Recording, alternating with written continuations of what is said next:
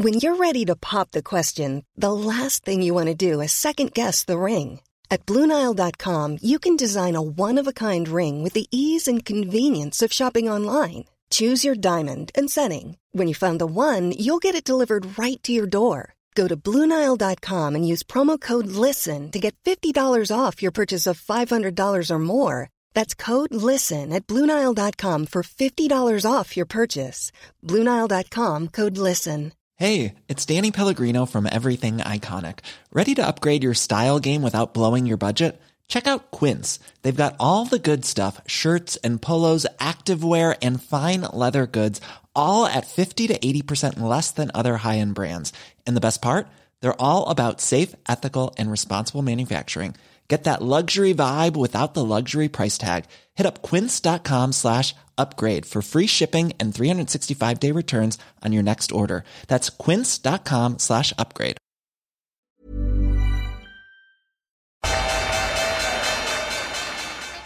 They mistook leverage for genius. Leverage for genius.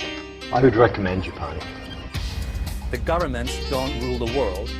Goldman Sachs rules. Velkommen til en ny episode av podkasten 'Tid er penger'. En podkast med Peter Warren. Vi er kommet til episode 70. Og vi er blitt med ballsy sin, så tror vi bare går eh, rett i gang med episoden. Ja. Peter har vært i Miami og har vært og menga seg med fiffen og de, de rikeste av de rike og sett på eh, Superbowl. Men før det så har du Det har vært en crazy uke med Eller start på året, da. Tesla og bitcoin står jo ut som noen ekstreme. ja, denne gangen så er det jo eh, Denne gangen har de byttet eh, Byttet plass. Eh, tes, unnskyld, bitcoin var jo den, den som steg kraftigst i fjor. Men i år så er det da er det Tesla som er opp med mest med Jeg tror det var 79% foran bitcoin som var opp 35 Mm. Men det er også interessant å se at lange amerikanske statsobligasjoner, altså den der ETF-en som heter TLT, er opp 7 Mm, Ja, det er jo litt spesielt fordi at aksjemarkedet er også opp. Ja, mens gull og, og SMP 500 er opp like mye. 3% Kan du forklare hva som skjer nå? Hvis du ser den deviation som Altså vanligvis så, så går statsobligasjonene ned når aksjemarkedet går opp. Ja, I jo, verdi. jo, men det har vi jo ikke hatt. ikke sant? Nettopp fordi eh, vi har jo ikke hatt det siden QE kom. Det har jo stort sett beveget seg samme vei. ikke sant? Altså, du har, det er jo hele poenget. Du har fått både i pose og sekk fordi myndighetene har senket rentene på statsobligasjoner gjen, gjennom å, å presse renten ned, altså gjennom å kjøpe disse opp. altså som du, altså Når renten går ned, så går kursen opp. Og det er jo det de har gjort. De har kjøpt statsobligasjoner for å presse renten ned. Så det er jo det som har, Så har Q1 er det siste grunnen til at det avviker. ja, ja, altså det, Det er jo siste måneden det virkelig tracker ja, men, det. ja, men du kan gå, gå mye lenger tilbake til det, så vil du se at uh, statsobligasjoner har steget i Altså obligasjoner stort sett, men statsobligasjoner spesielt, fordi det er det de fleste av sentralbankene kjøper, har steget i verdi eh, på sam, samtidig med aksjemarkedet. Så du har fått både i pose og sekk ved å eie ved å såkalt eie denne hedgen, da. Altså det, så, som, jeg, som, som faktisk går Altså som ikke har beskyttet deg ved, kursfall i dette tilfellet, fordi det, det går mer eller mindre samme vei. Men hittil i år så er da eh, amerikanske statsobligasjoner de er da steget over dobbelt så mye som, som aksjemarkedet. Mm. Så det er en litt spesiell situasjon. Er det den, eh, den eh, repo eh, Altså daglige tilførsel av likviditet som fører til det? Ja, altså de, de besluttet jo å, å snu snu- Trump. Uh, han hva kan man si bullied, det vet jeg ikke hva det heter, eller truet av sentralbanken i fjor til å, til å snu rundt. På, på det at man skulle tilbake, altså få tilbake en del av disse pengene man hadde kjøpt eh, man hadde brukt til kvantitative lettelser, altså nemlig som man, pengene man hadde trykket og, og, kjørt inn i markedet. De var på vei ut igjen, og så, så gikk da Trump løs på sentralbanken, som han egentlig ikke skal styre, for den er jo uavhengig. Men de, de ga seg jo, Mm. og, og, og begynte en ny Begynte da egentlig eh, de facto en ny QE. ny kvantitative lettelse med, med, å kjøpe statsobligasjoner. Og samtidig benekte at det er kvantitativ lett. Ja, de, de, de, forsøker å kalle det noe annet. Men du kan si den, den, Det var jo egentlig ment for å tilføre likviditet i en kort periode, men den har jo vart. Akkurat som QE har vart nå i ti år, mens man trodde kanskje man skulle slippe unna med at dette varte i mindre enn et år, så har det holdt på i over ti. Så effekten av dette er jo at, eh, at statsobligasjoner har, altså, har, steget i verdi som følge av at renten har falt og falt og falt. Um, og det har jo også da skjedd nå i, i, uh, på begynnelsen av året. Slik at statsobligasjoner, lange statsobligasjoner har steget nå over dobbelt så, så mye som, som aksjemarkedet. Dette er i USA. Men hvis du ser på verdens aksjemarkeder, så er jo også de opp ca. 2,5% i år. Mm. Og så har du noen få markeder i minus, og det er jo da Oslo Børs ned 1,1. Uh, eh, og Kina ned 6 uh, eh, Du har Er det Oslo Børs i kroner eller Oslo Børs i dollar? Oslo Børs i kroner. Og hvis du har uh, Så har du kobberprisen, som har hatt det største altså fallet på rad ever. Altså Det har aldri falt så mange dager på rad, så den er ned 9% Mye pga. dette med koronaviruset. Og oljeprisen er ned 17% På Oslo Børs har du hatt selskaper som bortimot har halvert seg i denne perioden, og, og, de på en måte nesten går under radaren. Så, year to date?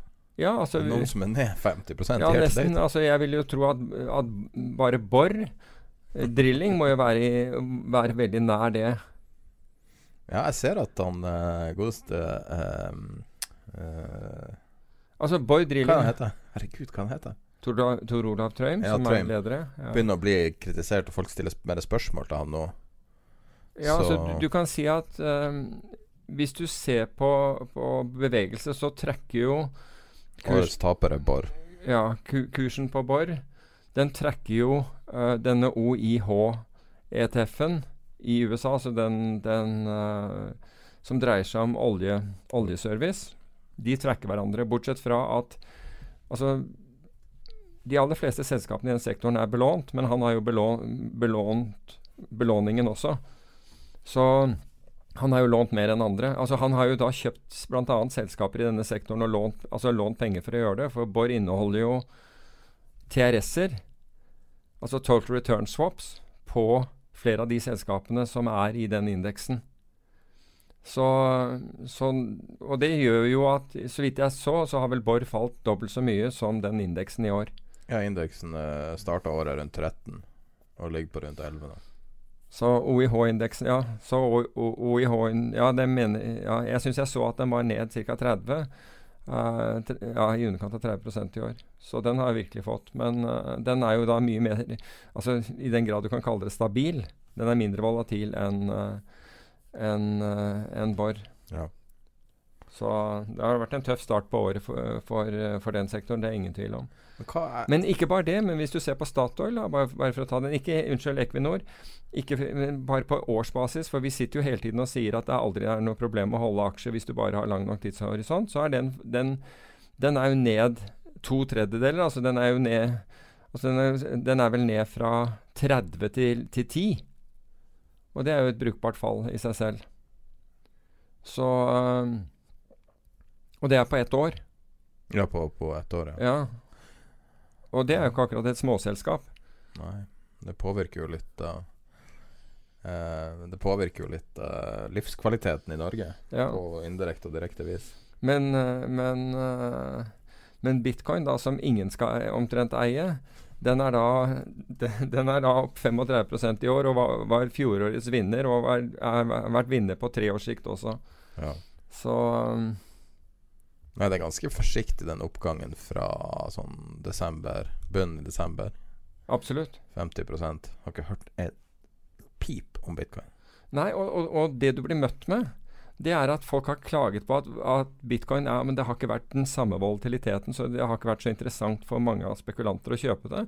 Men når bitcoin er volatil, så syns folk at den er for volatil. Så mm. du, altså, du blir aldri fornøyd i akkurat, i akkurat i den. Du var jo på en uh, gjest på en podkast nå, var du ikke det? Jo. Hva det heter Kryptografen? Ja, det er mulig. Jeg vet ikke akkurat hva podkasten heter. Det er mulig at den heter det. Det er Arcane Krypto som, uh, som har den. Vi fikk ikke tid til å høre på den før episoden, men syns du det var bra, eller?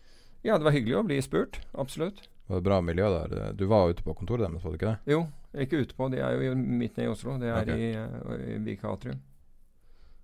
Det er artig. Det er jo flere De er vel en børs, er de ikke det?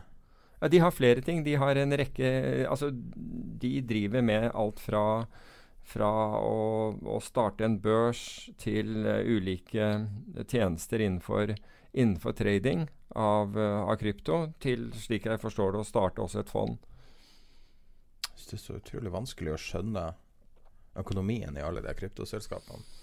Jeg skjønner på en måte ikke grunnen til å starte en børs nå. Det er jo 100 kryptobørser, er ikke det? Jo, jeg vet ikke hvor mange det er der ute, men det er jo noen som da øh, viser seg å være langt mer øh, effektive, har mer, mer øh, og bedre teknologi enn andre. Ja. Så øh, Men her, her snakker vi om noen av de fremste hjernene på, på teknologi allerede som er involvert i krypto, så du skal Så jeg tror at listen er ganske høy når, hvis du skal gjøre make your mark i dette. Og så er det hvorvidt du har god prising eller ikke. Så Ja. du er avhengig av marketmakere. ja, det er jo veldig langt fra Husker du Mount Gox? Ja. Som var eh, opprinnelig en um, plattform for å trade sånne spillkort. Mm. Og så bare tok de en pivot og ble den første og største kryptobørsen. Og han karen stjal jo bare på masse penger og stakk av. Han uh, Ja, men han, han kom vel ikke langt. Det ikke han, sitter ikke han inne? Jeg tror han var, endte opp i Japan med et eller annet. Ja, det er helt riktig. Det var i Japan. Nei, så det, men det er, jo, det er jo bare et par år siden, det. Og, Ja. og det har uh, uh, Og det er noe uh, Altså noe superproft marked med de største av de største. Ja. Apropos det, da.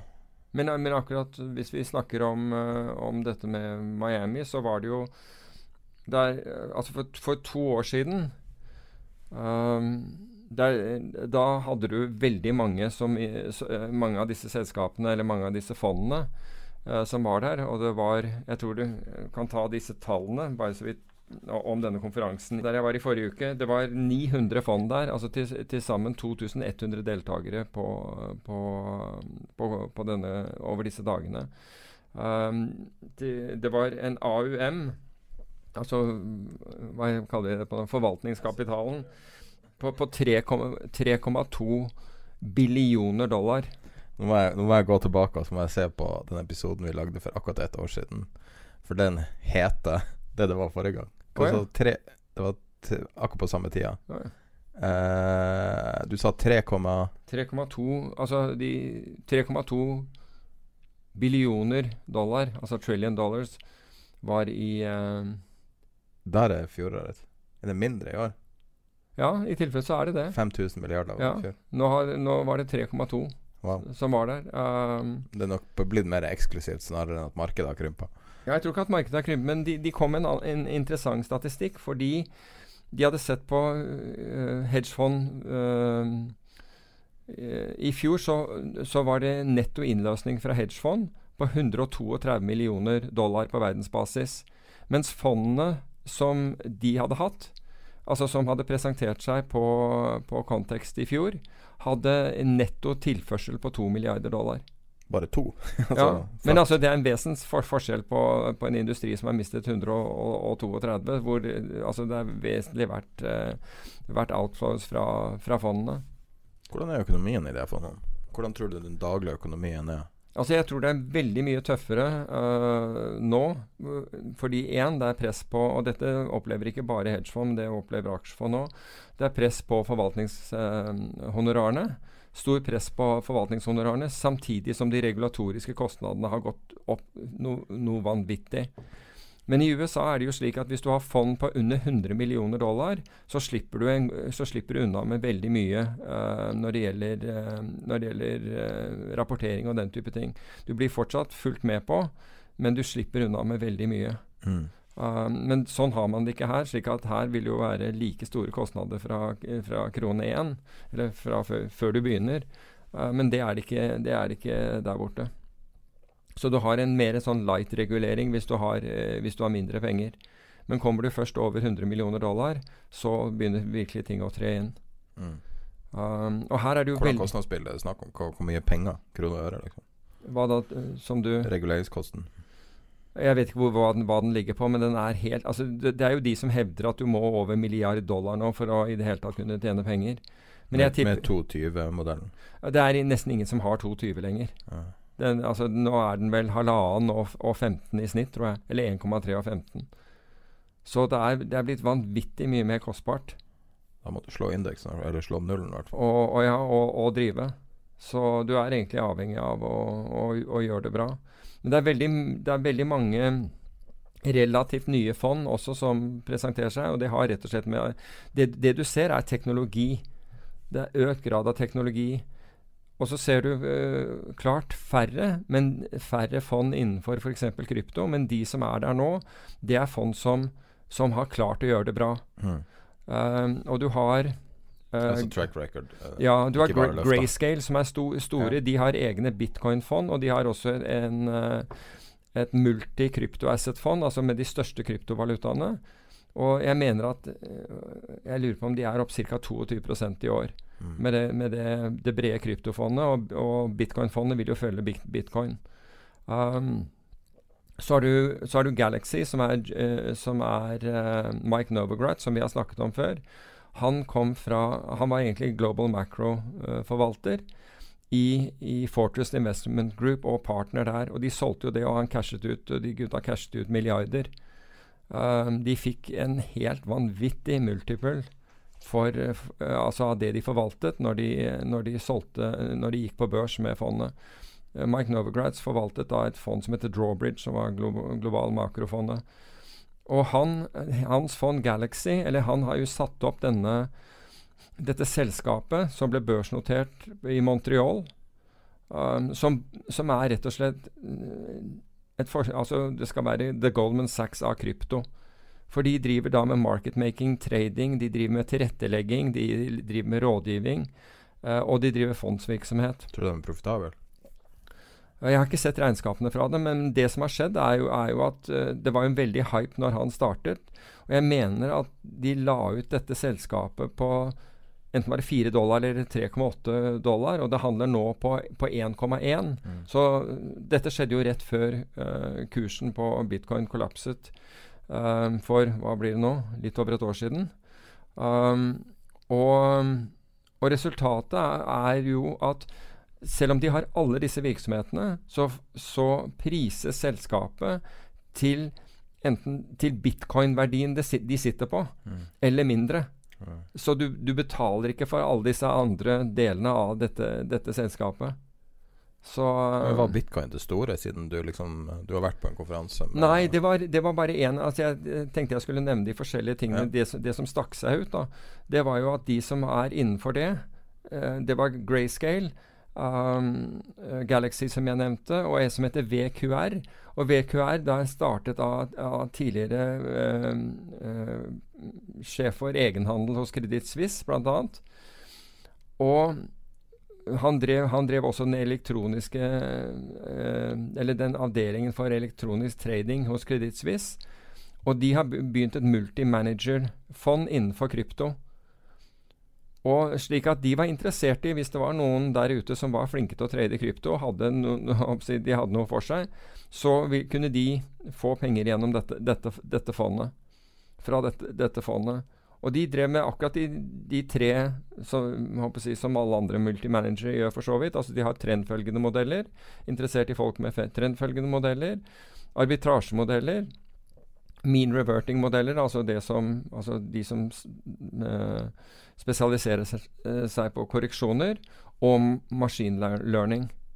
Og var, de hadde over 100 millioner eh, dollar til, til forvaltning.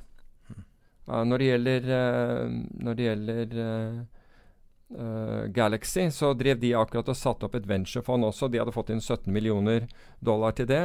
Men i forhold til Pantera, som er, som er veldig stor innenfor akkurat venture og, uh, venture og krypto, så, så er de inn bare en tiendedel av Pantera. Pantera ble startet av en av disse gutta som kom ut av Tiger-systemet. Dan Morehead, som, uh, som var forvalter hos hos Julian Robertson i, i Tiger. Og det er kanskje en av de største operasjonene der borte nå. Interessant. Du var jo i Trump-land.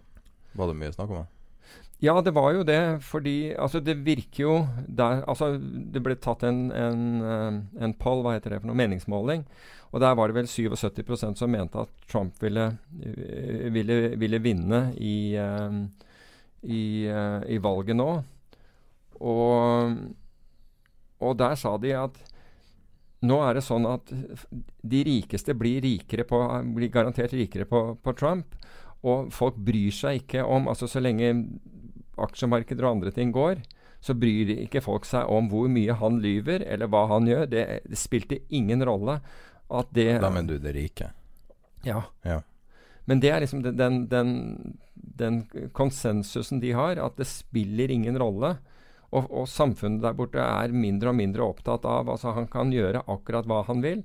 Og den der impeachment-prosessen var jo i, i, midt i der eh, mens, mens, dette foregikk. Og det er som han sier, der, der, velger man der, altså han, der er det mulig for republikanerne å stemme nei til vitner og stemme nei til fremleggelse av, av beviser.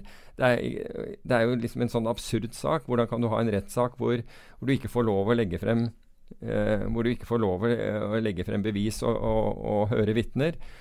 Det er jo litt, litt som Det var en som en sa, at det er jo som om, uh, om mafiaen skulle, skulle, uh, skulle være rettsinstans for, for, for en, en, av sine. Mm. Det ville jo antageligvis ende med frifinnelse, det også. Du kunne jo Men eh, jeg spurte en hvorfor. Hvorfor ville demokratene i det hele tatt gå gjennom denne prosessen når, når de var dømt til å tape den? Og han sa, og det har jeg egentlig tenkt på selv også, de har jo ikke noe valg. altså Hvis ikke de protesterer mot disse urettene, altså det de mener er feil, de er jo nødt til å, å programforplikte til, til, å anføre sine meninger. Altså det at de, de, de, mener noe annet. Hvis ikke så er det jo samme som å gå med på det. Mm.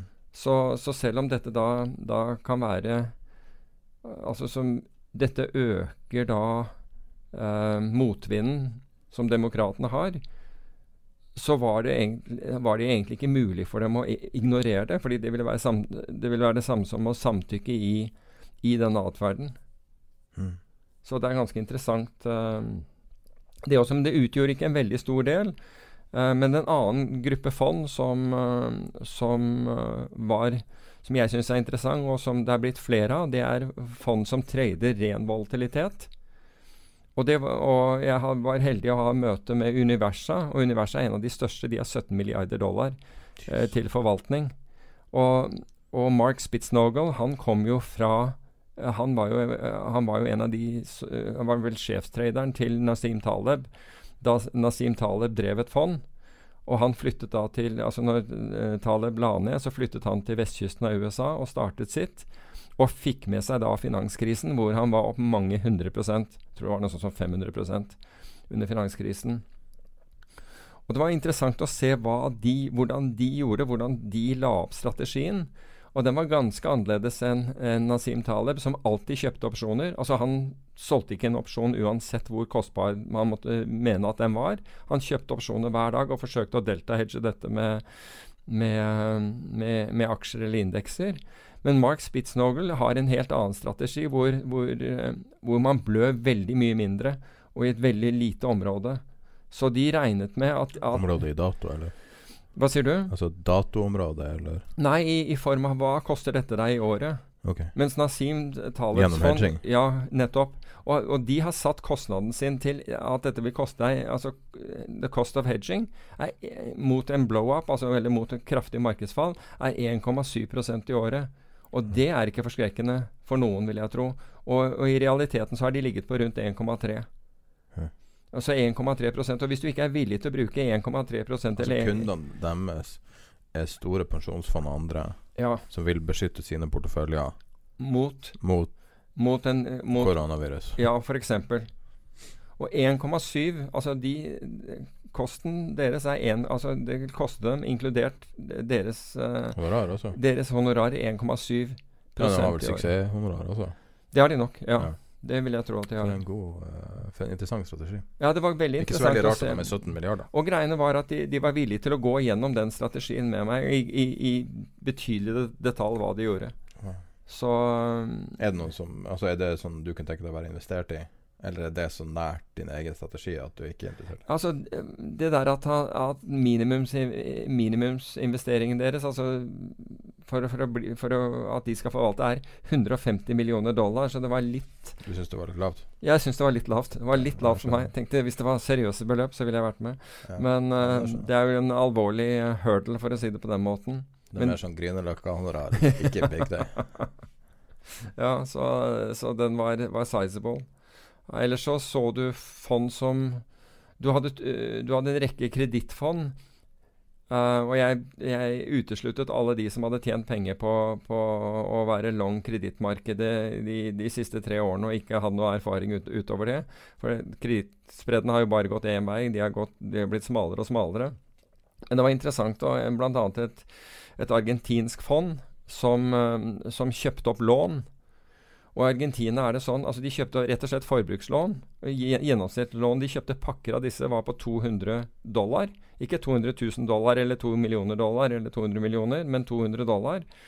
2000 kroner.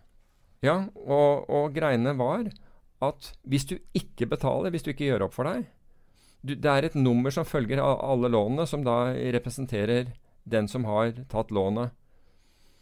Og hvis du ikke gjør opp lånet, så, så varsles sentralbanken med, altså Da varsler du sentralbanken at de ikke gjør opp for seg. Og da får sentralbanken dette nummeret, som da spres ut, og du får ikke låne penger til noe hvis du, hvis du er kommet på den svartelisten. Da er, er du avskåret, så folk betaler tilbake. Mm. En eh, hva sier du? predatory business. Ja, det er en predatory business, men med, med en inflasjon som de har, så kan de også betale en del. Ja, Så eh, fascinerende. ja. Så det var det mest novel investeringskonseptet der, eller? Nei, det var kanskje ikke det mest novel men, men du kan si at amerikanere Hvis det er noen i verden som er flinke til å, å se muligheter til å tjene penger, så er det amerikanerne. Og det er en haug av litigation-fond, og fond som kjøper opp uh, uh, claims mot forsikringsselskaper eller noe sånt, noe, altså hvor du har uh, du har en forsikring, og så nekter forsikringsselskapet å utbe utbetale. Og så kjøper de f.eks. Uh, din uh, den, den fordringen du har, eh, for 60 cent på dollaren. Mm. Og så kjører de forsikringsselskapet med sine advokater. Ja. Hva med juridiske kontrakter? Det også. Al altså, du har alt. Du Sikkert har, mange som er interessert i det. Det er jo litt sånn um, Espen Lie. Har du sett det der eh, Insider-serien som har gått på jeg har sett noen av programmene. jeg, jeg, jeg fikk en sånn eh, Jeg, jeg, hadde abonnement på Dplay en måned, så ble jeg sittende så- og binge Insider.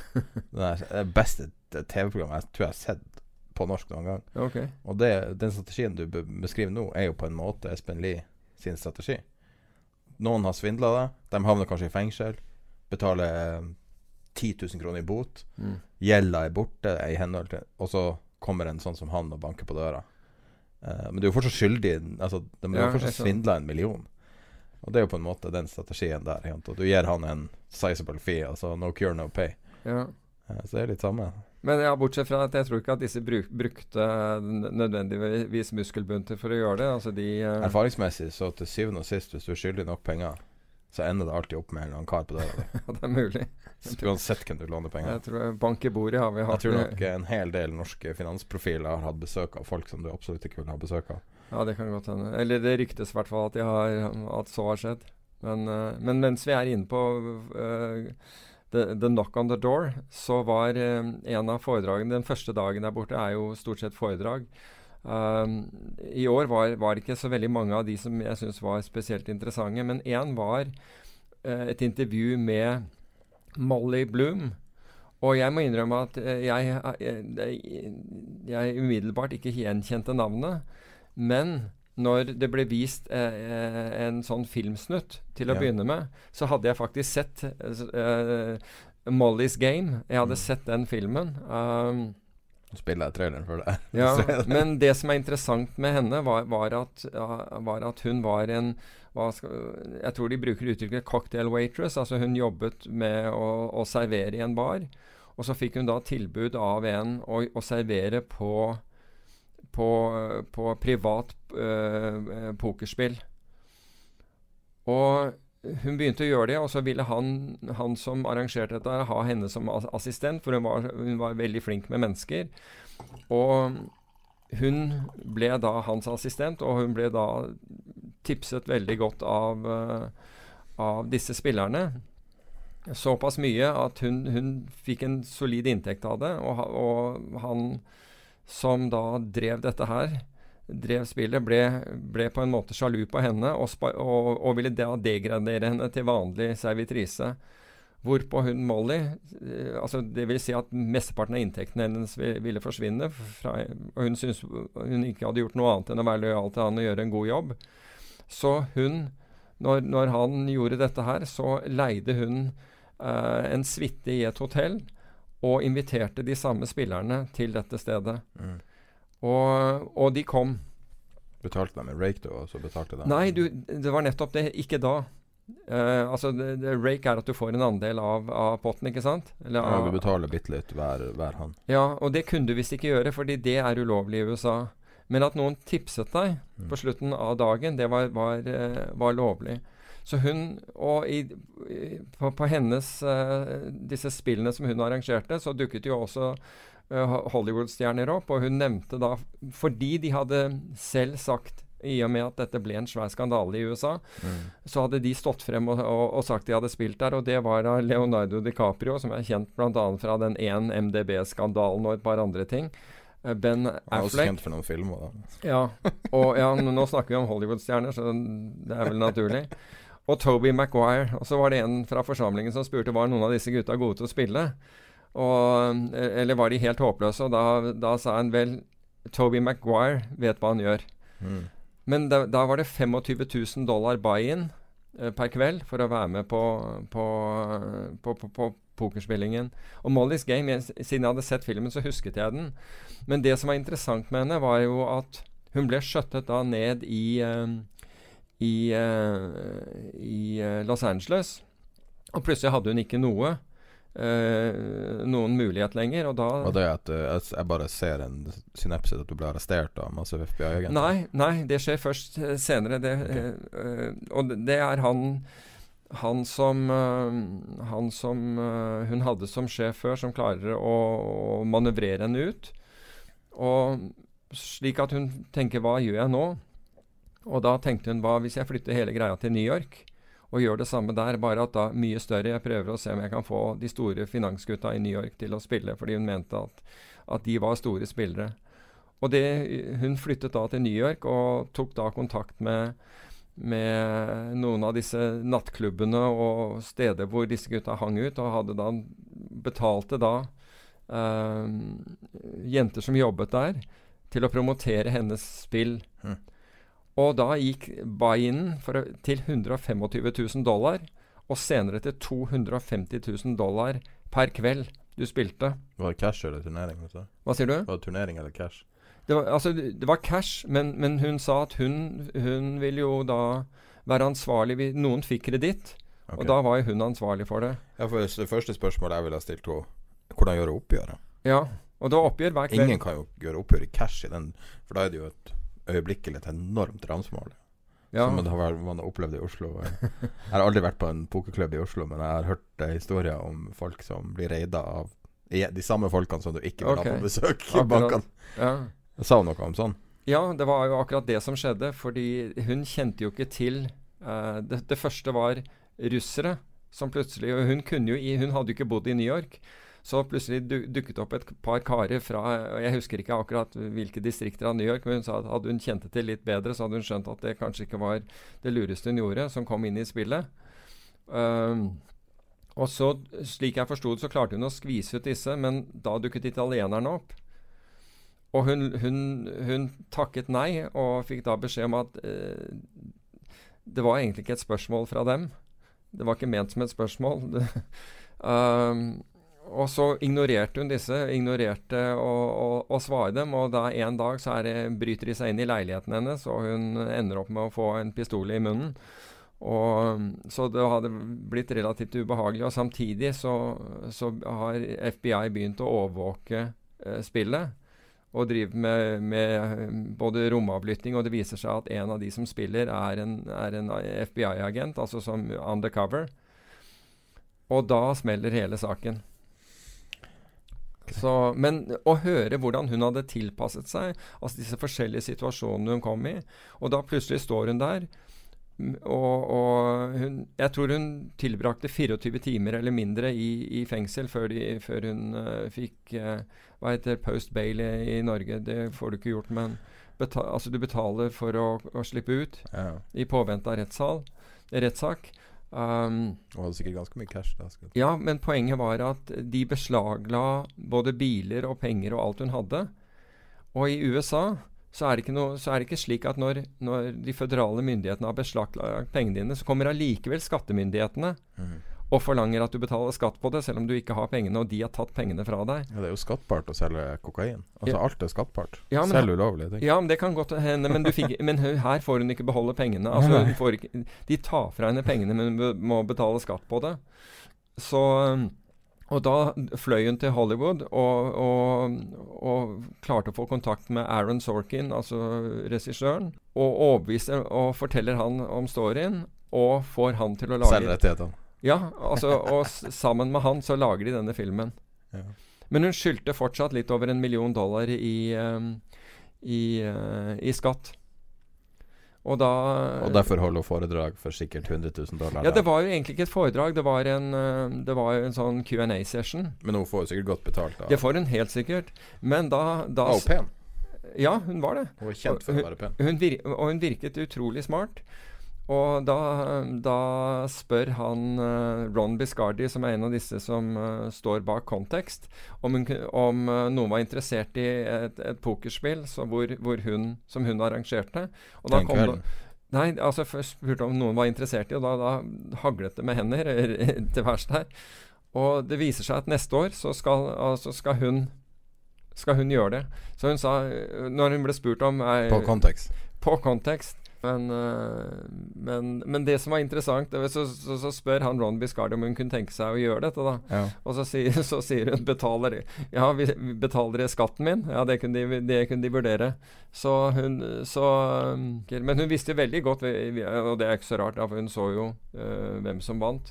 Men hvilke som var de, de gode spillerne. Phil Ivy hadde vært der. altså i, Ah, ok. når, når hun holdt på med disse Hollywood-gutta. Ja. Altså Greiene var at ingen proffer fikk adgang. ja. Men Phil er spillet. den aller beste. Ja, men, men du kan si at det var på, på, på, på forespørsel av noen, men da skulle han Altså, han, han tok ikke det som Altså, han, han kom, men han skulle, altså, han skulle ikke da bruke sin, sin, sine skills der, så han bare tok altså sånne mad gambles og gjorde ingenting altså for å, for å, vinne, for å vinne spillet. Jesus. Men de hadde bare lyst til å møte han. Så øh, Men At de betalte buyen hans sikkert også. Det vet jeg ikke, men, men, men, men Ja, poenget han er jo liksom den store av det. Ja, jeg vet det. I hvert fall var det Men hennes jobb var da å sørge for at det ikke var At det ikke var proffer der. Og i, i det Los Angeles-spillet, da viste det seg at det var en eller annen som hadde Uh, Som hadde løyet for at uh, de, det hadde vært samarbeid med en annen spiller. Og, og det var litt av begynnelsen til slutten for det Unnskyld, Miami eh, Los Angeles-spillet, altså det som var i Hollywood. Um, det var egentlig begynnelsen av slutten der, fordi hun, hun tok vedkommende. altså Hun, hun ble tipset om det, og, og, det viste seg at han hadde lurt andre spillere og ba Mm. han gjøre opp. Og da gikk han imot henne, og han hadde mye, mye makt. Mm.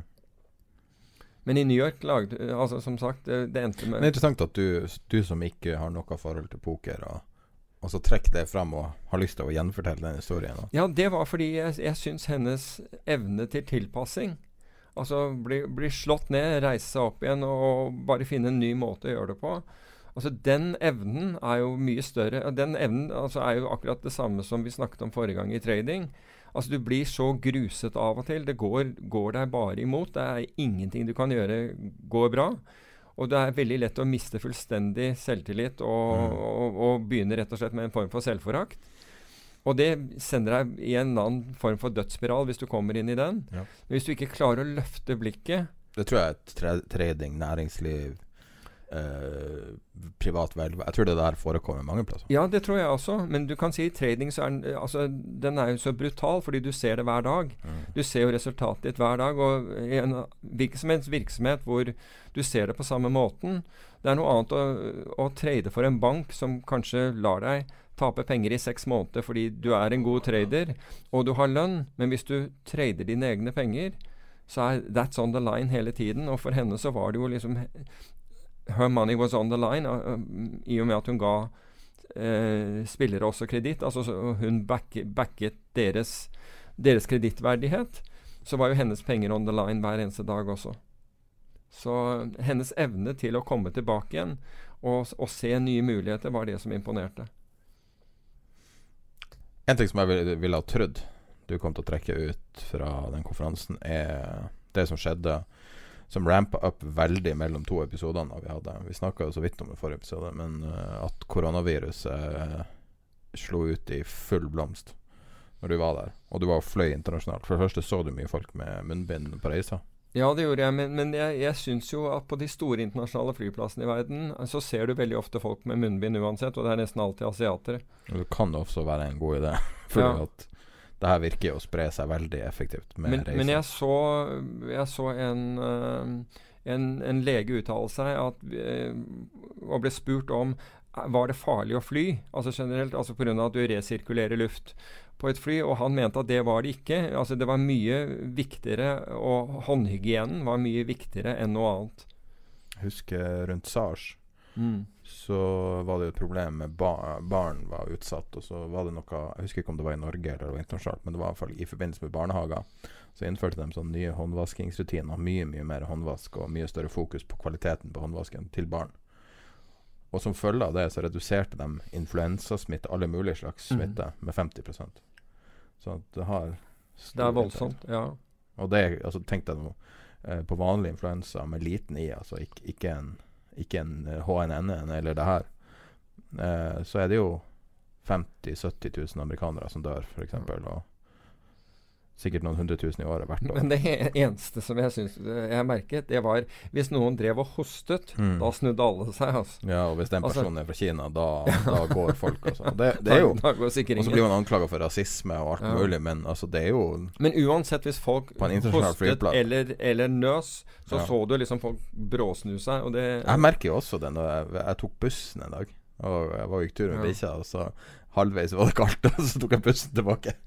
Og da satt jeg litt sånn her fast, og så begynte jeg å se rundt meg og tenkte jeg, man blir bitt av paranoia. Det er helt klin umulig. Men i hvert fall hvis folk hoster ut i luften, så altså jeg, jeg tenker på folk som, som opplevde ebolavirus og den type ting. Er det én ting de Altså, der tok de ut et helt fly. Altså Vedkommende som kastet opp på et, på et fly, den dråpesmitten som da spredte seg, den tok ut hele flyloadet, Mm. inkludert cockpit. Døde. Så Det var du som snakka om hvordan den piloten som eh, fløy fra Wuhan, var, hvordan han var kledd. Nei, det var ikke meg. Eh, det var noe jeg snakka med i går. Eh, full hazmat-suit som flyr ut av Wuhan.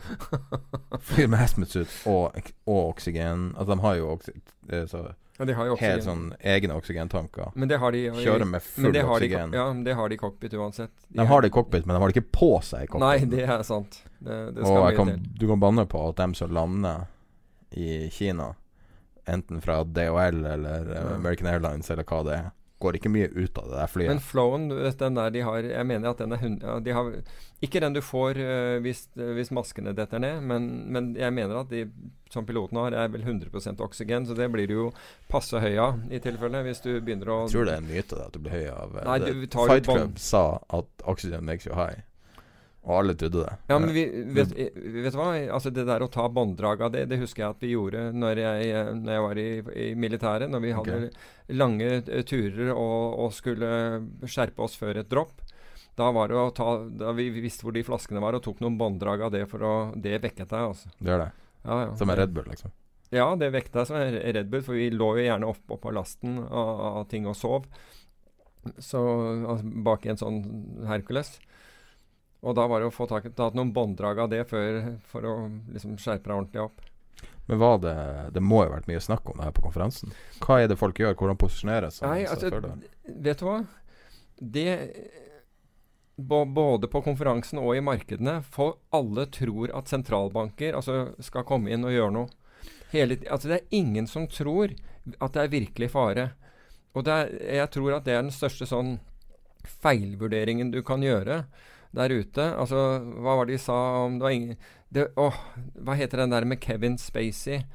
Um, en, en film hvor, hvor han sier at det var den største Altså den geniale djevelen gjorde ved å innbille i- The greatest trick that ever ever pulled was convincing the world it didn't exist. Eh, akkurat. Så overbevise folk at han ikke eksisterte. Og sånn er det litt nå også, føler jeg. Det er ingen som tror at det er alvor.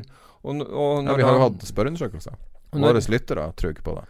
Nei. Hvor bekymret er du for koronavirusets effekt på verdipapirmarkedet? Da de fleste sier moderat, noen sier ingenting. Og så eh, 80% av svarene var eh, på midten. Jeg er derimot veldig bekymra, for jeg har sett noen effektene på, på ting jeg jobber med, og jeg har sett det på andre jobber med, og vi er så vidt i gang. Mm. På grunn av at ting har tørka opp i alle, i alle Men er supply-kjeder. Men det er jo også påfallende at hva gjør kinesiske, hva gjør kinesiske myndigheter? Jo, de, de setter i gang en kvantitativ lettelse. Altså de, sprøy, de kjøper verdipapirer. Altså istedenfor å for eksempel, Altså det Det eneste som får noe ut av det, det er de, de rike. Altså de som sitter med verdipapirer. Det at de prøver å holde igjen verdipapirmarkedet. Istedenfor at de pengene gikk inn i banksystemet med med, med den forutsetning at bankene lånte ut penger. Altså vi får pengene ut i økonomien. Det der å opp 174 milliarder dollar forrige mandag, Ja. før markedet åpna. ja. Og, så, og så var det limit down på alle aksjer du innførte. Så Det, det, Kinesiske det, det skjedde jo samtidig med, med Superbowl, den der 174. For vi så jo SMP, um, futuren, dra opp 10, mens, mens, uh, mens Shanghai var called da fordi Shanghai hadde vært stengt. ja. I noen dager så, så vi at den var called down 9% Og altså, man har jo alltid vært skeptisk til det kinesiske aksjemarkedet, men sånn som det er akkurat nå, med at du ikke får lov å selge det lov, Altså, du får ikke lov å selge mer enn litt av aksjene dine. Shortsalg er ulovlig. Ja, Eh, ja, nettopp. Eh, så kan man si at det kinesiske aksjemarkedet nå er 100 eh, rigga. Ja. Altså det, det representerer ikke noe re reell eh, eh, si pris eh, Price discovery, som er poenget med et aksjemarked. Altså Det er omtrent sånn som det Saudi-aksjemarkedet. Liksom. Altså bare, det er bare bullshit. Det er å si et tall, liksom. På grunn av Ja, ja. siste to ukene. Og før det var det jo man var ganske stor skepsis til det. Men, uh, men det, er jo, det, er jo, det her handler jo for en gangs skyld ikke om aksjer. det her handler jo om økonomien. Alt er stengt. ja. Jeg har vært i direkte kontakt med en del. Og Og Det er er derfor jeg mener at, at de pe pengene burde jo, burde jo kommet ut i økonomien generelt, og ikke i finansmarkedene spesielt. Men hva er det de sa spesifikt i konferansen, eller var det Altså folk, altså jeg, Det fins jo de altså Selvfølgelig Volatilitetsfondet tok, tok jo dette inn over seg og tenkte at dette blir dette også skaper muligheter for dem. Men den generelle holdningen, det er at nei, det her altså det, Sentralbankene får bare beskjed om å, å kjøpe mer verdipapirer. Det er helt kvalmende. Altså. Ja, det er det. Altså, Vi snakker, har jo snakka om i tre år nå eh, Hva skjer den dagen QE slutter å fungere? Det her er første gang jeg tenker Ok, shit, det her kan faktisk være den gangen. Ja, øh, ja det, og, og det kan det også være. Du ser jo volatiliteten, men det er over, over en rekke måneder nå. Så har jo volatiliteten økt i, i markedene. Det gjelder jo råvaremarkedene, som vi var inne på. Du ser også i aksjemarkedet. Du ser vol volatiliteten øke. Du ser på krona. Ja, Kronesvekkelsen vi har hatt. Uh, hele den, den eh, oppturen fra i fjor er viska bort. ja du kan si at den, den oppturen skjedde jo i desember. Den, da ble det jo en kraftig opptur for kronen. Ja. Og den er jo, den er jo reversert. Mm.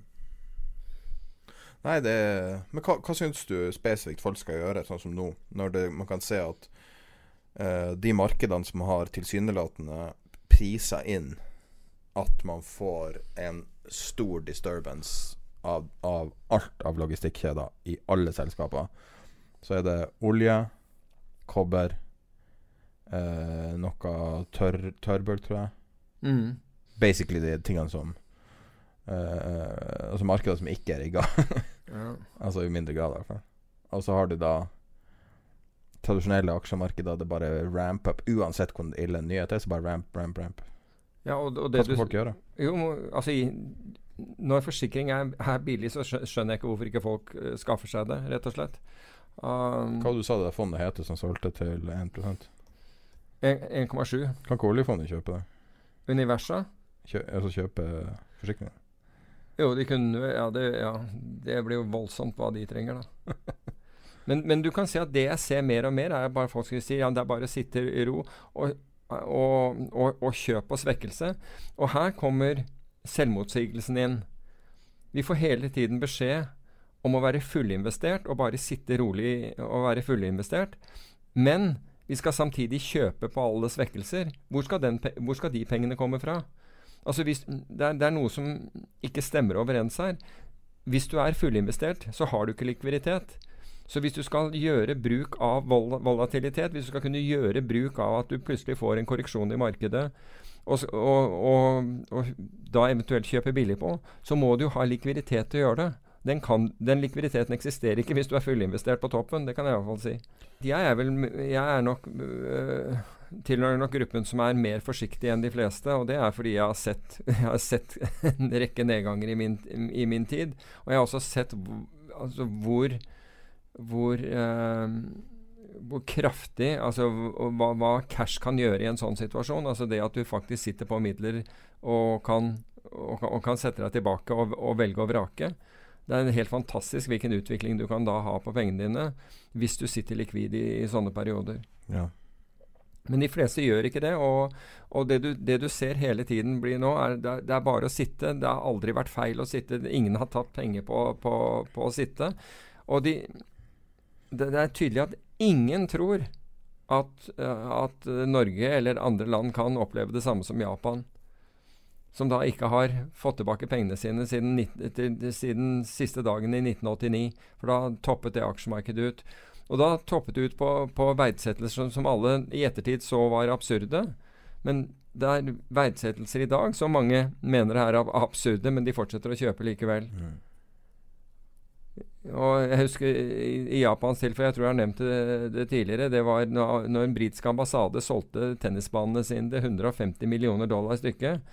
Da, da burde det gått opp et lys for noen at uh, og, og det var fordi noen ønsket å bruke det til å, til å bygge på. Da, da gikk det opp et lys for, for, for andre. Det var den siste transaksjonen, på en måte. Ja. Men, men vi, vi tar jo ikke innover og, og, eh, tar jo ikke signalene innover oss, fordi vi ønsker ikke Vi ønsker ikke å tenke annerledes. Vi ønsker ikke at, eh, at festen skal være over. Så i, i dag så kan du faktisk beskytte deg. Og som jeg nevnte og det, dette, Jeg skrev jo en blogg om dette i, i desember, hvor jeg ga en alternativ strategi til hvis du, hvis du var, mente at alt skulle fortsette oppover, så kunne en alternativ strategi til å sitte på aksjer var å gjøre en opsjonsstruktur hvor du fikk, hvor du fikk halvannen gang oppsiden i forhold til uh, i, i, i forhold til nedsiden. Og jeg bare tenker det er ikke, det er ikke bare det at du, du kan bytte ut Du kan bytte ut porteføljen din f.eks. med opsjoner veldig billig i dag og ha veldig liten nedsiderisiko. Men folk, folk gjør ikke det. Men altså, det er klart, er, er du lang nok, har du lang nok sikt, så, er, så går det sikkert bra. Men som sagt, japanerne har jo ventet i 30 år. Altså, jeg sier jo bare vi, vi hadde jo en lunsj med noen lyttere for en stund tilbake som gjorde oss oppmerksom på ei krise. Jeg vet, du kjente sikkert til det, jeg hadde ikke hørt om den før. Kristiania-krakket. Altså, hvis du altså, hvis du går rundt på Grünerløkka og ser, så er alle boligene bygd i 1899. Ja. For a reason. Eller 1900. Og det var da i 1900 der eh, du hadde en spekulasjon som fortsatt eh, er, er umatcha i norsk historie. Og eh, hvis du da kjøpte en bygård eller leilighet eller noe sånt i 1900, så var ikke den i in the money før 1990. Akkurat. Wow. Og, og det er jo veldig nært. Altså det er jo bokstavelig talt noen meter fra der vi sitter nå. Uh, og eh, det Det setter litt perspektiv på hvor feil ting kan bli prisa i en panikk. Så du har fulgt enkeltaksjer de siste ukene, Og når du ser hvordan folk sitter og rasjonaliserer prising, Ja. ting spiker opp hundrevis av prosent, så sier de det her er en sterk motstand på det her nivået. Men jeg lurer på om det er en sånn der kognitiv dissonans også. For vi i fjor så snakket vi om, da, da, eh, da kronen svekket seg, at det mest sannsynlig var salg av, av eh, norske eh, aktiva som foregikk av utlendinger. Ja, du hadde jo en, en konkret du hadde henvist til. Det Ja, da, en ja nettopp. næringsbygg. Eh, Riktig. Var, men, men da, da var, Kort tid etterpå så, så var banker ute og sa det. Det så de ingenting til. Og det, SSB satte ned en kommisjon Ja, for å finne ut hvorfor ja, det var ingen, ingenting som, som, som, uh, som, som tydet på det. Og nå viser tallene at det var akkurat det. Og det er det jeg lurer på, eh, om det er en sånn kognitiv dissonans. For hvis det er noen som skulle se dette her, så er det jo faktisk bankene. De, de skal jo se hvem det er som handler, og, og kan trekke slutninger på, på, på hvorfor. Er det mulig å se det i real time? Ja, de får jo ordrene. De får jo ordrene, og, og du kan si at de burde være de første som forstår hva det er som foregår. Og de, de var de, på, på det tidspunktet nektet de jo Nei da, det var ingen tegn på dette. Men det var jo Og nå analytikeren. er de de samme Jo, men nå er det de samme bankene som, som hevder at det var årsaken. Det er ganske interessant. Mm. Hva har skjedd med deg i, mellom, i mellomtiden? Er, har, har bevisene vært så mye mer overveldende etterpå? Eller, hadde, eller fulgte du rett og slett ikke med? Nei. Så det er, jo, det er jo kapitalstrømmer vi snakker om. Nei, Du hadde rett der, men det er jo samtidig også litt sånn interessant i forhold til det du alltid sier, er at the why is not important. I, i momentet er det ikke det. Altså, hvis, du, hvis du sitter og taper penger og du har en posisjon, så er, så er the why ikke important i det hele tatt. Akkurat der og da. Bare få dekket risikoen din. Ja, price action er alt. Ja. Men når du okay. ser uh, crazy utviklinger La oss ta I fjor så var det jo et uh, hasjselskap som het Tilray. Så gikk amok. Eller En hva slags selskap? solgte noe hasj eller et eller annet. Det, jo det, det var jo en boomende industri. Altså snakker vi om canna cannabis? Cannabis ja, Ja, okay. i USA. Jaha. Og så har du uh, Beyond Meat, som selger uh, plantebasert uh, kjøttimitasjon. Mm.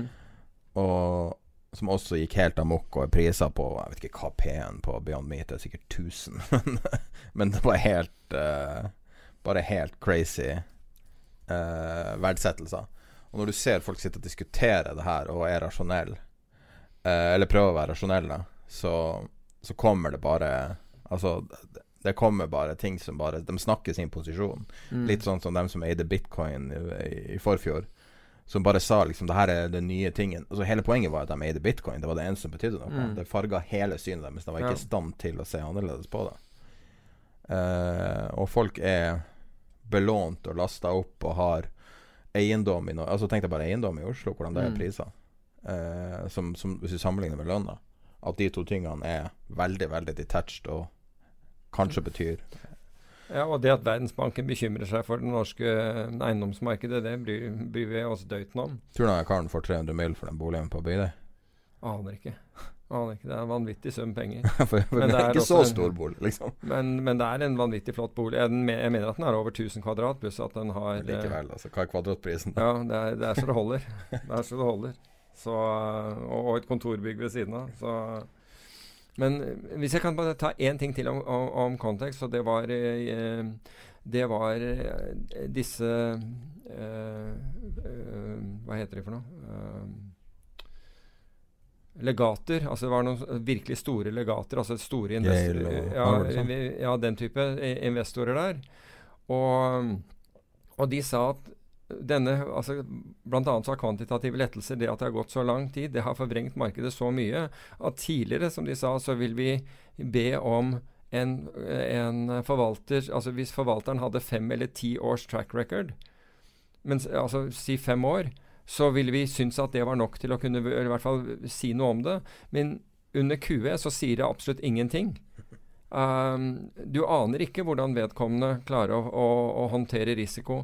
Så et av spørsmålene dere, deres var, fordi, og som de også sa, de færreste forvaltere viser nå, uh, selv om de har, de har eksistert før uh, 2008, viser 2008-tall, for nå viser de gjerne femårstall eller tiårstall eller et eller annet sånt. Og det var et av de spørsmålene. Vis oss hvordan du klarte deg i 2008. Vis oss hva du gjorde da. Eh, det var en av de, de tingene de la vekt på. Jeg skal bare tenke på det der fondet du fortalte om. Det var helt fantastisk. 1 at du er beskytta. Ja, eller 1,7. Ja, inntil 1,7. Så er du i året. Det er peanuts, altså. Ja, det er peanuts. Det er peanuts. Men folk er så er, Altså, de skal klemme ut den siste halve prosenten, ikke sant? Så Men store investorer gjør Men det. gjør folk spekulative investeringer der, eller er det kun hedging? Det vet jeg ikke. Kanskje de forutsetter at du må ha store porteføljer ellers? Altså Jeg tror nok at uh, Altså Det kan godt hende at, at, noen gjør rene spekulative ting der, men, uh, men jeg, jeg, tipper at det er institusjonelle investorer med store, store porteføljer som ønsker de beskyttet ja. for en lav pris. Og som ikke bryr seg om det der. fordi det, det er klart at det er, det er, i mindre grad i utlandet enn det er i Norge, hvor, hvor det legges opp sånne forvalterrangeringer på hvilke fond som har gjort det best, og den type ting, uten at de ser på risikoen. Ja. Her, altså, det hadde vært mye mer interessant. Jo, men det der, du har jo det hedgefondet fra HSBC, den lista som mange bruker som, ja. som mål, og dem er jo kun på avkastning. Ja, det, det er sant. Det er topp top 10 og bottom 10, eller topp 20. Men, men så, ja, det, og det er helt riktig. Men det som er interessant å se, eller vel så interessant, det hadde vært å, å se det, Men det er vanskeligere å måle det når det gjelder, når, det gjelder hedgefond, ja, enn f.eks. et aksjefond. Sharp, du kan måle det på sharp, men, men, du kan si at igjen, hvis du ikke har hatt noe særlig nedsidebevegelser, eller noe som har vært godt mot dem, så er det vanskelig å finne det i sharpen. Ja. Mens hvis du tar du et aksjefond som da, som da uh, forholder seg til et aksjemarked, så har vi også sett i Norge, og vi har vært inne på det, hvor veldig mye av, av meravkastningen som er skapt av forvaltere, har vært rett og slett økt risikotaking. Ja. Og, når må, og, og, når du ser den økte risikotagingen, altså i form av, av, beta, så vil du se at du har ikke blitt betalt for det. Altså Investoren har ikke De, de kunne tatt et indeksfond og belånt det og fått, fått samme risiko men en bedre avkastning. Ja. Så um, jeg sier det, det um, Vi har snakka en del om koronaviruset i dag, og det er en sak under veldig utvikling. Nesten fra minutt til minutt. Og apropos risikotagning, så har jo Kina tatt en enorm risiko med å bokstavelig talt låse døra til leiligheten til folk fra utsida. Mm. Sette ei, ei, lenke på døra til alle eh, Altså til en eh, det, var, det var dokumentasjon fra et sted utenfor Shanghai en by som ingen har hørt om, som sikkert har sju millioner innbyggere. Wow. Eh, der de går fra dør til dør, og så låser de døra. Og så sier de men hva hvis det brenner? Og så bare nei, da kan du ringe og si De kommer seg ikke ut av bygget. Så det er jo det mest ekstreme overreaksjonen man kan ha, omtrent. Mm. Og nå mens vi snakker, så kommer det da eh, Så kommer det da meldinger om at eh, kinesiske myndigheter lar Foxconn åpne sin en av sine fabrikker som er på et utsatt område. Jeg husker ikke helt hvor det er. en um, jeg lurer på om det er Shenzhen, som er da det, det fabrikks, eh, fabrikksentrum i, i, Kina. Kanskje verdens viktigste by. Mm. Der um, Så på, på, den gruppa, den Facebook Eller den chatten som vi har, som du finner, du finner via Facebook-gruppa, Tidapenger, og så finner du det også på tidapenger.com. Så det finnes det en link til Discord hvis du vil ha det på telefonen og varsling og sånn. Uh, og der så følger, er det en egen kanal for koronaviruset som er ganske aktiv, og der får man liksom up to date. Da. Og En av de tingene jeg, jeg, fant og la ut der, var man kan følge trafikkbildet i de her byene. Congestion. Ja. Og så kan du se standarden. Uh, og her var det Her er trafikken. Og tar det opp på skjermen til deg. Det er også lagt ut i beskrivelsen av det her. Her er siste syv dager i Shenzhen. Den røde linja som er helt flat, er den trafikk-congestion som er i Shenzhen, og den blå er den normale. Skjønner. Ja. Det er totalt 100% lockdown. Ja. Og mens vi snakker nå, så får vi da første tegnene om at Kina da ikke Det er noe strikket stengt så langt at nå må de åpne opp for igjen. De må åpne fabrikkene. De kan ikke vente, fordi at gjeldsgraden i Kina er jo helt mm. katastrofalt høy. Eh, og, og, det at eh, Altså, folk eh, sulter jo nå allerede. Du ser jo masse meldinger i sosiale medier om folk som uh, ikke har peiling på hvordan de skal klare å betale regningen etter bare to uker med shutdown. Så det, det, er virkelig, virkelig store ringvirkninger. Ja, av en eller annen grunn så, så virker det på meg som, vi, som man bare trekker en sånn svarte lapper over øynene og sier at det der gjelder ikke meg. Nei, men lykke til med å kjøpe en iPhone om to uker hvis det der fortsetter. Ja, Jeg tror du Apple har store lager i Norge. Kommer jo rett fra Kina med fly. Ja, De pilotene vil jo ikke lande. Mm. Vi vil ikke ha inn, ha inn de pilotene heller derfra. Så Det virker så dystert, og når du ser eh, SMP f.eks., så bare Ingen tar det her inn over seg. Jeg forstår ikke det. Ingen hedger, liksom. Nei, jeg syns også det er merkelig at ingen, ingen gjør noe. Du, du ser ikke du ser ikke noen anbefalinger om å gjøre det, eller begynne å tenke eller vurdere dette kontra den situasjonen som er i dag. Det ser du veldig lite av. Det er mer sånn at vi bare fortsetter. Um, det var uh, en analogi til, uh, til et uh, sånn selskap jeg var i rett før rett før, før Superbowl, som ble holdt på, på en villa opp langs kysten. eh, 40 minutter. Og 40 minutter ja, 40 minutter nord for Miami. Og, så, og der treffer jeg bl.a. En, en engelsk eh, jente som bor der borte. Um, og, og vi kom i snakk, og så spurte jeg hvordan er det å være her. Og hun sa at det er, det er surrealistisk, sa hun. Hun har bodd der i flere år. Hun sa det er jo La La Land. Ikke sant? Det er jo in- Nothing is real. og det er jo litt sånn du føler om, uh, om, uh, om markedene i øyeblikket. Og nothing is real. Nothing tar inn over seg realitetene. Det bare fortsetter, og alle tror at vi er på en sånn evighetsbølge.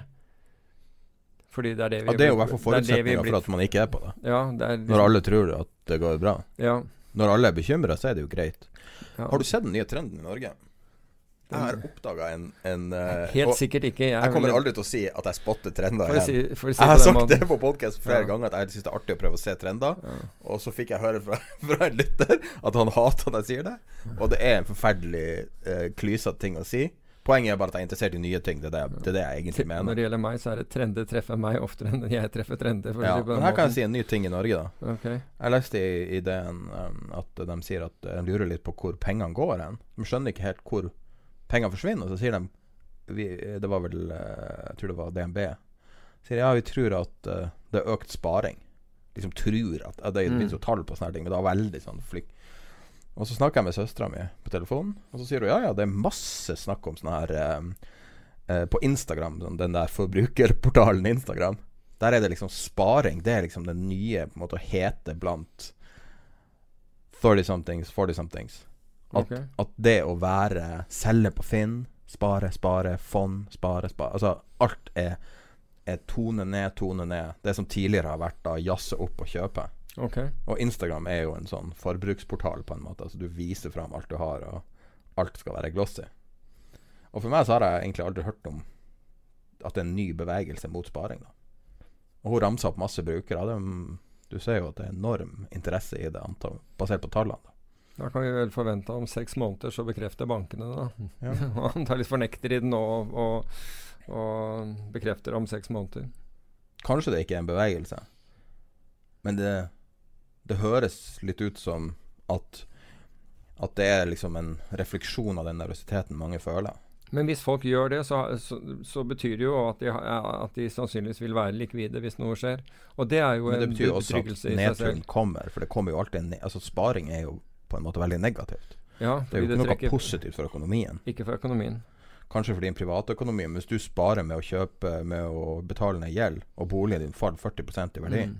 Og banken La oss si at du har eh, Altså Veldig mange har jo de her eh, boligkredittene, f.eks. Hva hvis banken sier du får ikke? Mm. Du får, altså, for det første er verdien falt, eller vi tilbyr ikke det her mer. Og så du, har du belaga deg på den likviditeten. For den har alltid vært der. Ja, men det tror jeg altså det Likviditeten fins jo ikke der. Altså hvis du, du, du skal ha et veldig solid lånetilsagn fra en bank hvis markedene er ned 40-50% og du sier at du skal kjøpe. Altså. Ja, men ikke bare kjøpe, men altså boligkreditt. Ja. Sånn eh, at du At du, du bare uh, bruker det som en slags bankkonto. ja, jeg skjønner det. Ja. Jeg skjønner det. Og det er veldig mange som belager seg på den kreditten, og skal Mm. du betale ned, betale ned, betale ned. Jeg bare syns det Sånn Så alt sett i perspektiv, da. En generasjons opptur i boligmarkedet. Kan jo selvfølgelig fortsette en til generasjon, hvem vet, men Ja, hvem vet. Men uh, det er jo greit i hvert fall å ha, å ha åpne øyne når det gjelder uh, fremtiden, istedenfor å gå, fly rundt med lukkede øyne eller skylapper. Det er det. Um, Du uh, har hengt deg litt opp i referanseindekser. Nei, det er, det er rett og slett Som tidligere forvalter, så er du interessert i det? Ja, men, det, men mest nå fordi vi snakket om det. Det er ikke lenge siden, det er vel en måned eller to maks, hvor vi snakket om, om dette med at det, store Eller jeg påstod at det store antallet forvaltere som slo referanseindeksene sine i Norge, er pga. Indeksen de velger, eller sammensetningen av disse indeksene.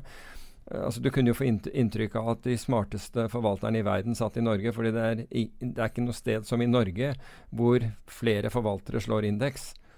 Uh, og nå har, var det en artikkel i E24 som uh, viser at uh, Forbrukerrådet har, har gått ut mot dette, har regnet på dette her, og mener at veldig mange av referanseindeksene er irrelevante, nesten, i forhold, til, eh, i forhold til hva forvalterne driver med.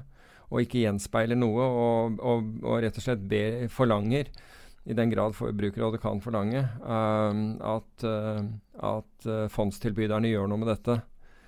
Og det interessante med det er jo faktisk, og her skal man gi kred til, til Finanstilsynet, var at de gjorde dette med rentefond i 2018. Hvor de mente at eh, rente, mange av disse rentefondene, som da brukte statsobligasjonsindeksen, satt da med, med verdipapirer som eh, på ingen måte hadde samme sikkerhet eller samme likviditet som statsobligasjoner, og derfor fikk skjerpe seg og, og, og justere indeksene. Nå skal det sies at det er ikke så veldig mange gode indekser i Norge å bruke annet enn statsobligasjoner for, for rentefond, men, eh, men det blir allikevel feil å bruke det.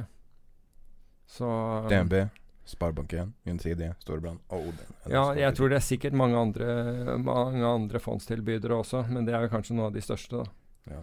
Så, men det er, det er i hvert fall bra å se at det gjøres noe med. Selvfølgelig. Uh, vi, har, vi har ei gruppe vi er litt, Jeg er litt usikker på om det er den samme vi refererte til sist, men jeg tror det er en ny kalkulering. Uh, vi har en um, bruker på Facebook-gruppa til podkasten som har lagt ut uh, fulgt opp denne Pareto månedsporteføljesaken som vi har snakka om flere ganger. Det er litt sånn Ja, altså artig å se visibiliteten. Jo, altså. men jeg lurer på om, om Jeg vet ikke om det er den samme som ble brukt i Eller var det i DN? Jeg husker ikke. Men DN fikk jo adgang til en som hadde regnet på det, som faktisk hadde eh, studert porteføljen og, og sett om det var mulig, mulig å replikere den. Ehm, og vi tok jo dette opp når, når det gjaldt disse modellporteføljene som, som uh, er i avisen hvor ved, ved, ved tidligere anledninger jeg har studert disse, og, og det er rett og slett ikke mulig å skape samme avkastning. Mm. Du får my mye dårligere avkastning enn det de er. Og her så var det, hadde avisene gjort det samme, jeg tror det var det igjen. Og komme til at, at mens, eh, mens denne porteføljen angivelig skulle ha gitt over 30% avkastning, så var avkastningen temmelig lik børsavkastningen.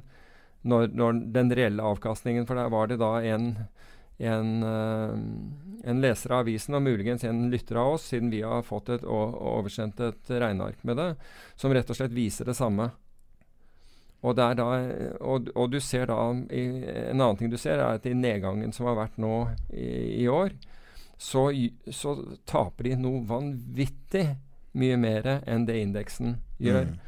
Og det går tilbake til det vi har snakket om, og som vi snakket om nå for ja, halvannet år siden, hvor vi så på en del forvaltere. Åtte ganger børsen Nei, fire ganger børsen. Ja, fire ganger, ja du, når du faller fire ganger børsen, så, så vet du at dette er tuftet på risiko.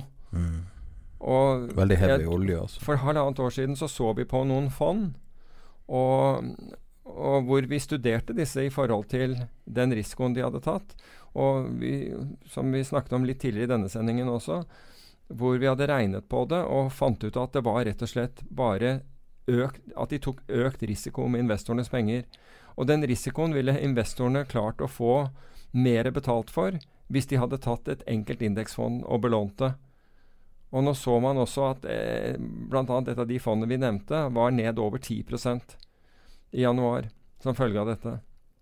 Så, og da kan, du, da kan du virkelig begynne å, å lure på forvalterens altså, egenskaper. Altså, det, det er greit at du er god til å trykke gassen i bånn, men hvis du ikke vet når du skal bremse, så hjelper det ikke. Altså, da kommer du i hvert fall ikke langt i et billøp. Nei. For der er det svinger. Og det, og, det, ser vi nå at det har vært i, i aksjemarkedet. og Du har ikke hatt en sving på lenge, men når den kom, så, så dro i hvert fall flere av dem av noe solid. Ja, vi så jo det. Hva du syns om at han kan hete han Mølsæter går til DN og sier at uh, det er koronaviruset som er grunnen til at jeg presterer så dårlig? ville han ha sagt at uh, det er koronaviruset som er grunnen til at jeg presterer så bra, hvis han var short noe av det samme? Eller ville han sagt at jeg er briljant? Ja, eller hvis det var, var, noe annet som dro på porteføljen eh, til himmels? Nei, jeg, jeg vet, det, sannsynligvis ikke.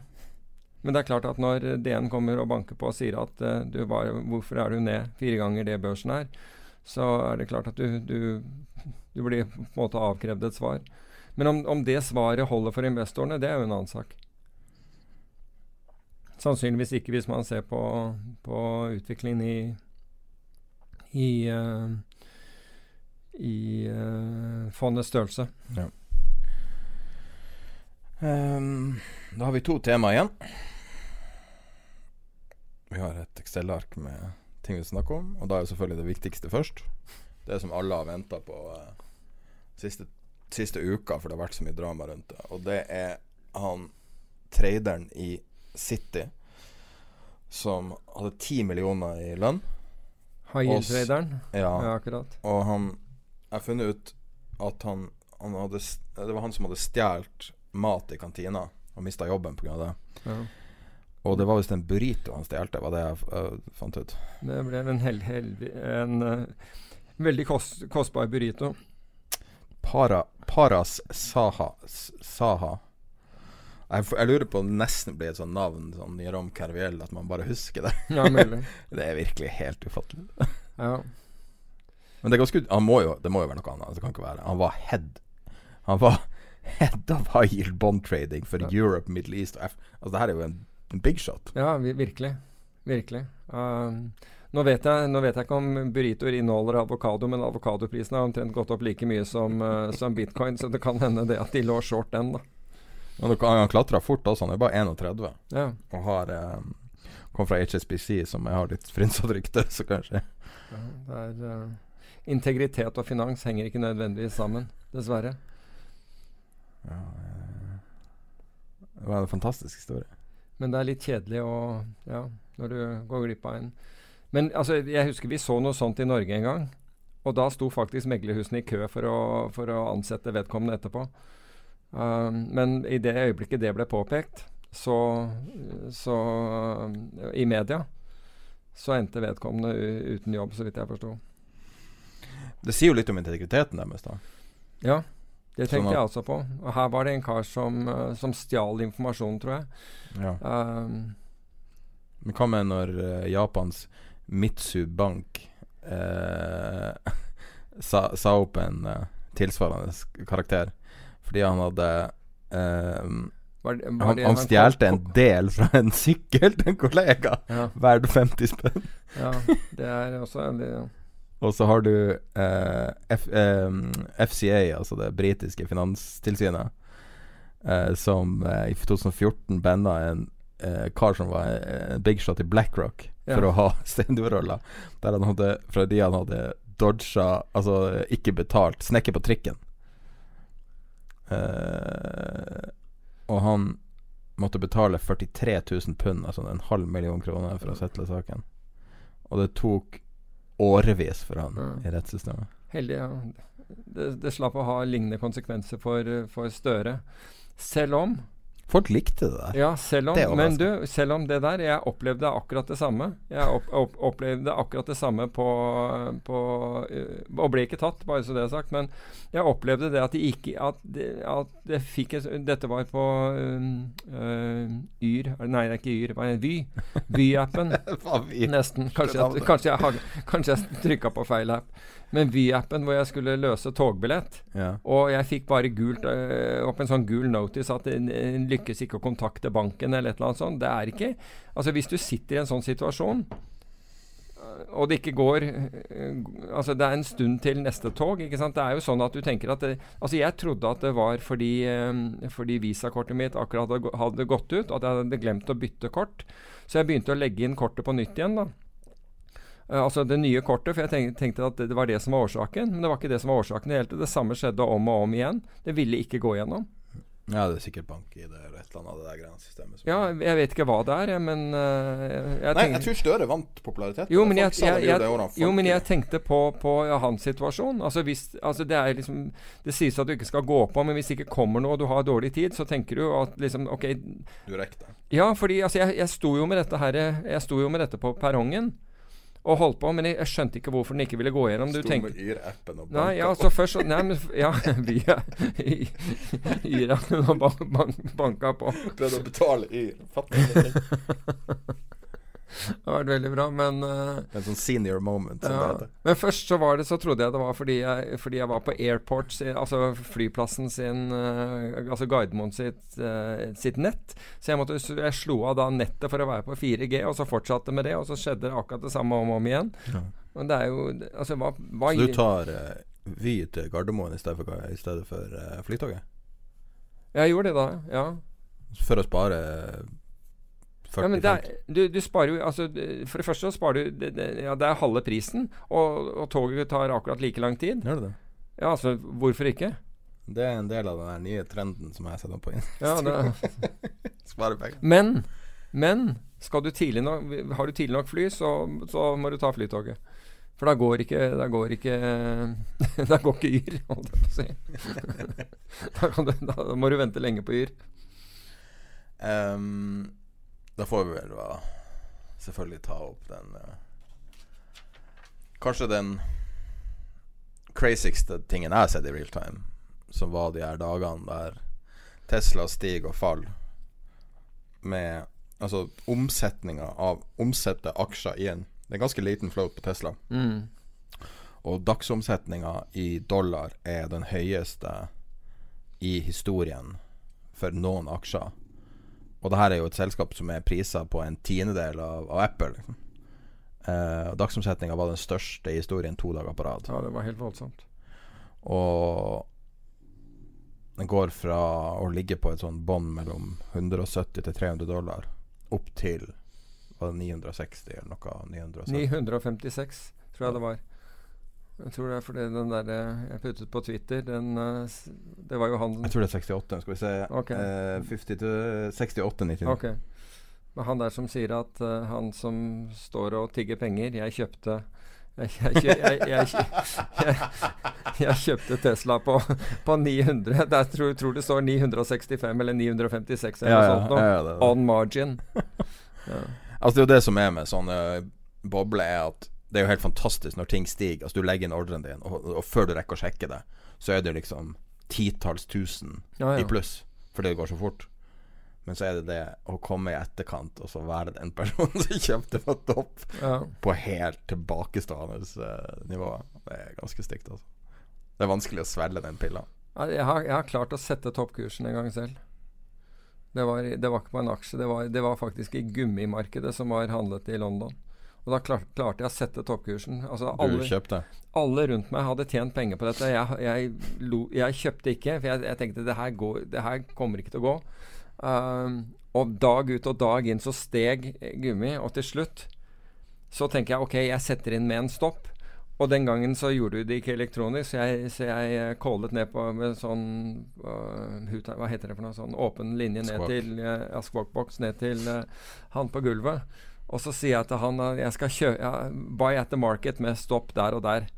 Sier jeg til han. Og så Det skal jeg ordne, sier han. Så kommer han tilbake en, noen sekunder etterpå. Han sa you, you bought and you sold. Og jeg sa hæ? Fordi jeg tenkte nå har han tatt feil. Han trodde jeg skulle spredde Fikk du margin call på samme telefon? Nei, jeg fikk ikke margin call, men jeg hadde satt inn stopplås. Og det gikk, det gikk så fort at han kom tilbake med, med kjøpet og stopplås-filen på samme på, samtidig. Så han sa 'you bought and you sold'. Så fort gikk det. Og det var toppen. Siden har vi var, var ikke gummi. Gummi? Ja. Er det, er det Nei, jeg tror ikke det noe ja, jeg tror ikke det. Jeg tror ikke det handles lenger. Er ikke det sånn som han George Costanza når han skulle drive og trade latex, var det ikke det? Er du Ja, jeg vet jeg ikke. Det, det var ikke Det var? Rubber Futures. Ja, London. For jeg tror det fortsatt hold, handles i Kuala Lumpur. Men dette var i London. Ja, det ser ut som du kan trade det. Okay. RSS3. Ok. Ja, det er Tokom. Det er i, det er i Tokyo i tilfelle. Ja. Men den gangen var det i London. Så um, Husker du datoen på det? Nei. Men var det her all, liksom all time peak, eller? Ja, eller på det tidspunktet var det det. Så, så jeg vet hvordan akkurat det der er. Men takk og lov at jeg hadde en stopplås inne. Um, fordi det, fordi det, det gikk i fritt fall etter det. Og det er jo også lærepengene. Altså, det er jo det eh, Hvis du sitter og følger Det er veldig artig å følge de her ultra-bearishe folkene Mm. på, på Tesla, og så følge ultra-bullishe folkene samtidig. Og så har du Steve Eisman som var bearish, men som Ja. bare tok stoppen. Ja, men eh, han ble jo hengt ut fordi han tok stopp Altså han, han stoppa seg sjøl ut helt på topp. Men det er sånn uklart nøyaktig hva han gjorde. Sannsynligvis stoppa han seg ut på veien opp, sånn at han Ja. på lavere nivå enn i dag. Mm. Jeg vil jo si at det er veldig fornuftig å da tape ansikt og ta stoppen og bare gå videre. Ja. Det her Det ødelegger fondet mitt. Og så har Mm. du da Mm. Sissener på andre sida som nekter å det, Altså jeg vil si at det er nesten uforsvarlig på det sånn som han holder på nå. Eh, å øke og øke risken. Og, og gjøre en da en opsjonstrade, som er litt vanskelig å forstå hvorfor han gjør. Ja, han selger en salgsopsjon. Ja. Så, øh, og han får inn 43 dollar for den. Uh, og saken er at ja, den er jo ikke Altså den er jo ikke utløpt ennå, så Nei, men Nei, den er ikke utløpt, den. Nei, men, men han får ikke mer enn 43 dollar for den uansett. Er, altså, premien er premien. Den er verdt fem i dag, fordi Men saken er at hvis, hvis det skulle være en hedge, da, så har du få- fått inn 43 dollar, og, og, og Tesla på det, på det meste etterpå steg ni ganger det han fikk inn. Og nå er fire ganger Altså fire ganger det han øh, har steget fire, Altså på, de, på, på nåværende nivå er fire ganger det han fikk inn i premie. Mm. Så det er jo ikke rare Og så har du jo lånekostnader. Du må jo låne, betale for aksjene. Så han har jo løpende kostnader på å være short. Ja, men de var ganske han, han betalte ganske lite. Han sa hvor mye han betalte der. Jeg tror en halv prosent eller noe sånt. Så det var Ja, for det var jo veldig høyt før. Ja, det er, det er mulig. Så det var, det var i tilfelle ve- Overraskende, så. Det er ikke det som, uh, som, som tar han der, men det er jo det at Altså, du må huske at, at Tesla beveger seg i øyeblikket med, med Altså, opsjon, opsjonsmarkedet har akkurat falt fra Altså, opsjonsimplisitt volatilitet har, har falt fra 117,5 uh, til, til uh, 91 og årlig volatilitet som, som tilsier 7,3% ned til 5,75% per dag i normal svingning. Så du sitter på noe som virkelig beveger seg her. Altså. Men det er jo helt Har du satt en posisjon nå? Nei, jeg har ikke det. Men, og det, det for øvrig opplevde jeg fordi jeg kom, da jeg kom tilbake igjen fra USA og begynte å se på det. altså Da var markedet beveget seg så fort at du så opsjonsmarkedmakerne trekke ut uh, prisene sine sekunder av gangen. Og Altså du klarer sånn- nesten ikke å regne deg fram til noe Nei, du, det er vanskelig å få, få liksom lagt på Altså Du kan jo bare gå buy et market, ikke sant? så får du den, den neste prisen som er. ja. Men hvis du skal gjøre strategier, så er det litt vanskelig. Jeg er veldig, veldig stor fan personlig av hun, eh, hun eh, journalisten Bethany McLean. Mm. Eh, altså Ofte journalister bruker å bare miste poenget så ofte. Og jeg syns hun alltid har sånne fornuftige um, På en måte uh, moderate meninger, men også ganske sterke meninger samtidig. Og hun, En av de tingene hun sa tidligere i en annen sak, da hun har skrevet ei bok om olje, og sier at å spå oljeprisen er kanskje den vanskeligste tingen du kan gjøre. Altså Å prøve å forutsi oljeprisen er det vanskeligste du kan gjøre. Noe jeg syns er en god observasjon. og Jeg tror det også er veldig vanskelig, fordi at det er så sammensatt marked. Men hun har jo da vært veldig skeptisk til Tesla, basert på den Solar City Acquisition, og har skrevet mye om det. Og vært uttalt skeptisk og blitt da anklaga for å, å ha samarbeida med shortselgere, og det er jo mye anklager der. Mm. Men da sa hun på CNBC eller noe at hun mener at enten du er bullish eller bearish Tesla, så er det en uninvestable share nå. Fordi at det er så Det er så uforutsigbart at uansett hvordan du posisjonerer deg, så eksponerer du deg så mye. Mm. Og jeg er egentlig enig i det. Altså, du, altså det her er en widowmaker begge veiene. Ja, det kan være det, absolutt. Altså, det har ingenting med virkeligheten å gjøre lenger. Det har ingenting med noe sånn fundamentale verdsettelser Ja. Men den blow-offen var helt til forveksling lik eh, det vi så i bitcoin for litt over et år siden. Og, og det vi opplevde i, da internettboblen sprakk i, i 2000. Da gikk det også helt parabolsk til oppsiden. Altså det er ingen mening i noe som helst. Selskapene eh, der, ingen inntjening, bare oppskrevne forventninger. Og det går kraftigere og kraftigere, og, og, og det gir muligheter. Eh, hvis du klarer å gjøre relative trades. Men, men du må jo være eh, altså Igjen, opsjoner er antageligvis mye bedre å gjøre, men ikke å utstede dem. Mm. Eller hvis du skal gjøre det, så må du i tilfelle eie noe som beskytter, beskytter dette også. Ja. Så, så det ikke går helt gærent. Hvis folk da tenker at de har lyst til å gå long nå, hvordan vil du gjøre det? Hvis jeg skulle gått long Tesla i øyeblikket, Straight long? Liksom. ja, det ville jeg gjort det gjennom opsjonsspredd. Ok. Altså kjøpt en uh, at the money call eller noe sånt, og så solgt, uh, og solgt uh, høyere oppe. Men altså hvis du bare skal være altså Det kommer an på hvilken tidshorisont du har, da.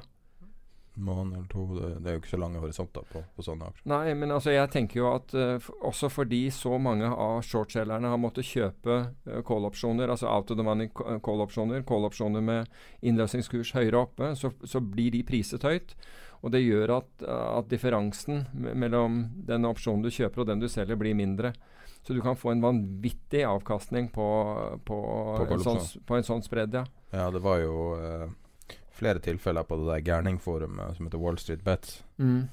på Reddit, eh, der folk hadde Altså det var ikke uvanlig at folk la ut skjermbilder der de hadde 10 000 avkastning. For det, det var masse folk som da plutselig begynte å kjøpe eh, 1000-caller ja. Til Ja, liksom Ja, det, det 0,00. var, ja, nettopp. Men 1000 callen ble jo vanvittig mye. og- Plutselig veldig mye verdt når det var på Ja, 19. og plutselig Og det var mange som kjøpte der også. Og det tror jeg veldig altså, Du graviterer jo mot rundetall. Ja. Ja, og når, når du begynte å nærme deg 900, så tror jeg mange kjøpte rett og slett 1000-callen, som var short, bare for å ha en, en, en stopp på galskapen. I Mm. tilfelle dette her gikk helt av skaftet. Det var jo allerede av skaftet når du, når du stiger mer enn 20 Men jeg har aldri sett sånn value Altså sånn eh, milliardærskapning og millionærskapning som de timene når det var som verst. Der Mm. folk sitter der og bare Å, nå er jeg plutselig jeg deg Jeg har investert 1000 dollar, og nå er det 1 million dollar. Altså, det er jo helt Fordi Fordi at de tar maksimal risk, og så, og så går det. Men jeg tror også at det var eh, en, et annet Altså, du kan Andre ville kalle det en widowmaker. De som var short, vil kalle dette en widowmaker. For det der var så smertefullt. Ja, og, ja, ja, og så og ikke bare det, men, men Og det de, er- men dem som ble millionærer, er slutta å være millionær dagen etterpå. nettopp. Men det er ikke bare det at, eh, at du får margin call, altså på, på, på, som, som tilsvarer bevegelsen. Du får en margin call fordi volatiliteten har steget. Så, så krever det at du putter opp veldig mye mer eh, margin. For dette kan jo gå veldig mye lenger, ikke sant? Så, så det dreper jo likviditeten din også. Og du skal ha dype lommer for å, for å sitte i, i der, og særlig når folk kommer ut Ja, men dette skal til 7000. Husk på, altså Risk manager rundt omkring ser også, ser også sånne overskrifter og tenker Å, herregud, vi har eh, 200 forskjellige investorer som er short denne her nå. Hvis det der skulle skje, vi da, ikke sant? Hvor mye kapital trenger vi da? Og så øker de på noe voldsomt med det de, skal ha for at du skal være short. Akkurat samme måte som de gjorde i, gjorde i bitcoin. For der var det også folk som ønsket å shorte bitcoin når vi begynte å nærme oss 20 000, men det var prohibitivt i forhold til hva de skulle ha for at du skulle gjøre det. Men det er sjelden man ser history in the making. Ja, det var jo Ja. Så Veldig, du kan si men, men det er jo først og fremst altså selvfølgelig bevegelsen, men også volumet, som gjorde at dette, som du påpekte, ikke sant, det største volumet noensinne, To dager to på rad. dager på rad eh, i en aksje, det er history in the making. It's, it's already done, just made history. Mm. Nei, det Men det er bare Det er sånne dager man, man leser om gjerne i historiebøker. Det er ikke så veldig ofte du ser det på På, si på tikkeren. Mm. Så um, Det, blir en så, det blir et sånn uh, Oddvar Brå-moment. ja. Hvor var du? Også Hvor var du? Når dette skjedde? Og det var bra. Når Oddvar Brå, Brå bak stav- bak staven, husker Ja. ikke. Hæ? Da var jeg vel såpass ung at uh, muligens Jeg tror ikke jeg så det på TV engang før på nyhetene den uh, på ettermiddagen. 30 år siden. Ja. På akkurat det tidspunktet. Jeg husker ikke.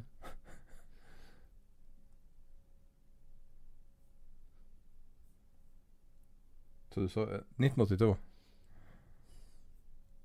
Hvor var jeg i 19? Da tror jeg faktisk jeg var i Norge. Jo, det var jeg i Norge. Det var to måneder før jeg ble født. Ja.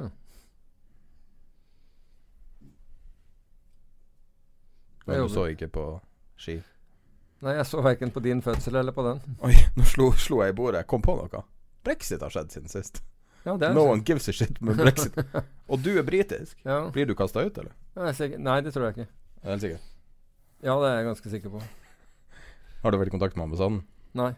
Burde du ikke det? Nei, Det er ikke ambassaden som bestemmer, det er norske myndigheter som bestemmer hvorvidt jeg blir kastet ut eller ikke. i så fall. Ja. Nei, vi har jo noen myndigheter som hører på podkasten. jeg kan heller søke om, i, i tilfelle, norsk pass. Ja, nei, du får gjøre det. Jeg tror jeg går gjennom, uh, gå, går gjennom sjekken på offentlig. Ja. Nei, men da tror jeg vi er ferdig med Ferdig med um, Episode 70. Med episode 70. Vi har 3388 medlemmer på Facebook-gruppa Tid er penger. Mm. Vi har tett på 800 medlemmer Nei, på 400 medlemmer på chatten til uh, På Discord-chatten, som du finner på tidapenger.com. Så spesielt chatten er det mye Det er mye dynamikk der, og mye å få med seg.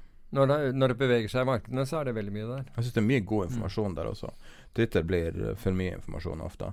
Mens her er det liksom Folk deler jo mye interessante tweets, og det er veldig up to the minute der. Så. Men jeg syns, altså, bare for å forsvare Twitter litt altså hvis du, hvis du er nøye med hvem du følger på Twitter, så syns jeg ikke at, uh, at, det er et problem. Men det er klart at hvis du Vi har jo gjort, vi har jo laga ei liste. Ja, men jeg, jeg, følger relativt få mennesker på, på, på Twitter. Og, og, det gjør at jeg syns at den er helt håndterbar, den, den, informasjonen jeg får der. Men følger du 10 000 mennesker, da vi har laga ei liste på mm. tiderpenger.com. Så hvis du bare åpner den, så kan du sitte og følge det vi kaller newswire. Mm. Uh, og det er bare fem stykker. Uh, og de fem deler konsekvent bare headlines hele tida. Så hvis du vil vite hva som skjer Altså Hvis du vil late som du har en Bloomberg-terminal som koster 22 000 i måneden, uh, og du er kun interessert i, i flash headlines, altså bare mm. overskrifter, så får du det der. Ja, det er iallfall nyttig. Det, altså, hvis jeg skal trekke markedet, sitter jeg bare og ser på den. Mm. Huswire. Altså sitte og se på uh, det folk liksom altså, Sitte og vitse med hverandre på Twitter og sånn, det er nesten verdiløst. Liksom. Ja, jeg følger ikke med på det. Nei. Men da uh, tror jeg vi avslutter episode 70. Fint å ha deg tilbake, med eller uten koronavirus. Forhåpentlig uten. Da ses vi om to uker. Dette blir også tatt opp på søndag. Vi legger det ut på mandag. Hey, it's Danny Pellegrino from Everything Iconic. Ready to upgrade your style game without blowing your budget? Check out Quince. They've got all the good stuff shirts and polos, activewear, and fine leather goods, all at 50 to 80% less than other high end brands. And the best part? They're all about safe, ethical, and responsible manufacturing. Get that luxury vibe without the luxury price tag. Hit up quince.com slash upgrade for free shipping and 365 day returns on your next order. That's quince.com slash upgrade.